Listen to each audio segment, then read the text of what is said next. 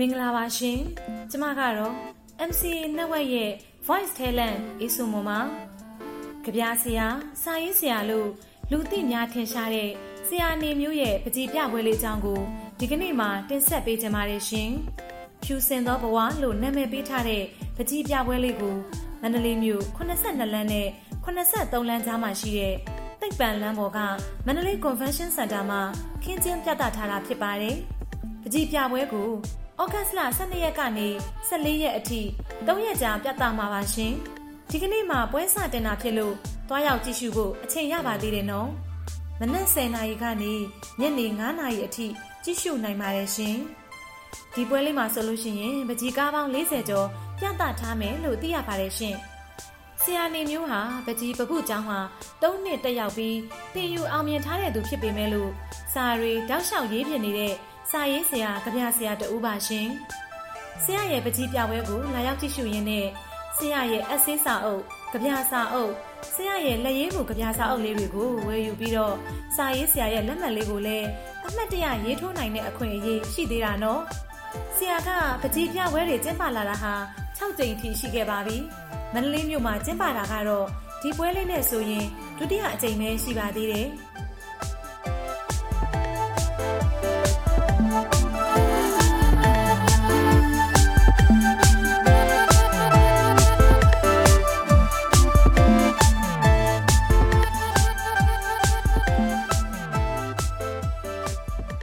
နေ့ပွဲလေးကျင်းပတဲ့ရွေချက်ဆိုတာတဲ့ပွဲတို့ရဲ့ပကြီးဆရာတောက်ရဲ့ရင်းနှမှာရှိတဲ့ဘောသားတွေပေါ့ဒီပွဲလေးကိုကျင်းပတာတော့ပကြီးဆရာတောက်ကပကြီးရေးရမယ်ပေါ့နော်ပကြီးရေးပြီးရေးထားတဲ့ပကြီးကားတွေကတင့်တော်တဲ့ပကြီးကားတွေကိုပြသရလိမ့်ရှိပါတယ်ခုကားလေးတွေမှာလည်းခုအနေနဲ့တော့ပကြီးကားလေးတွေအတန်တင့်ရေးထားတာတွေရှိတယ်ရေးထားတဲ့နေရာမှာတင့်တော်တဲ့စီတော်တဲ့ကားလေးတွေကိုရွေးချယ်ပြီးတော့မှပြသတာဖြစ်ပါတယ်ချစ်ချူသည်လူပညာချစ်သူတွေပကြီးချစ်သူတွေအတွက်ရှင်လန်းကျင်တဲ့မှုရဖို့ပဲရည်ရွယ်တယ်လို့ပြောနိုင်ပါတယ်ကွယ်ဒီပွဲလေးကလေ တကယ်တော့ခုနေမျိုးကမန္တလေးသားတယောက်ပါမန္တလေးသားတယောက်ဖြစ်ပြီးမန္တလေးမှာပဲအနေများပါတယ်ဒီပကြီးကားတွေကအများစုအားလုံးဒီပါအားလဲမန္တလေးမှာပဲရေးဆွဲတဲ့ပကြီးကားတွေပါပကြီးပြပွဲက6ကြိမ်လောက်ပြုလုပ်ခဲ့ပြီးဖြစ်ပေမဲ့အခုဒီပကြီးပြပွဲနဲ့ဘာမှမန္တလေးမှာ2ကြိမ်ပဲပြသခဲ့ရပါသေးတယ်ဒါကြောင့်မန္တလေးမှာရှိတဲ့ချစ်မိတ်ဆွေတွေမန္တလေးမှာရှိတဲ့စာပပရိသတ်တွေရောပကြီးနုပညာချစ်မြတ်နိုးတဲ့သူတွေရောဟိုစိတ်ဝင်စားတဲ့တွေရောလာရောက်ကြည့်ရှိဖို့ဖိတ်ခေါ်လိုပါတယ်ကွယ်ဒါကြောင့်ကြည့်ရှိအားပေးကြပါအောင်လို့လည်းပြောလိုပါတယ်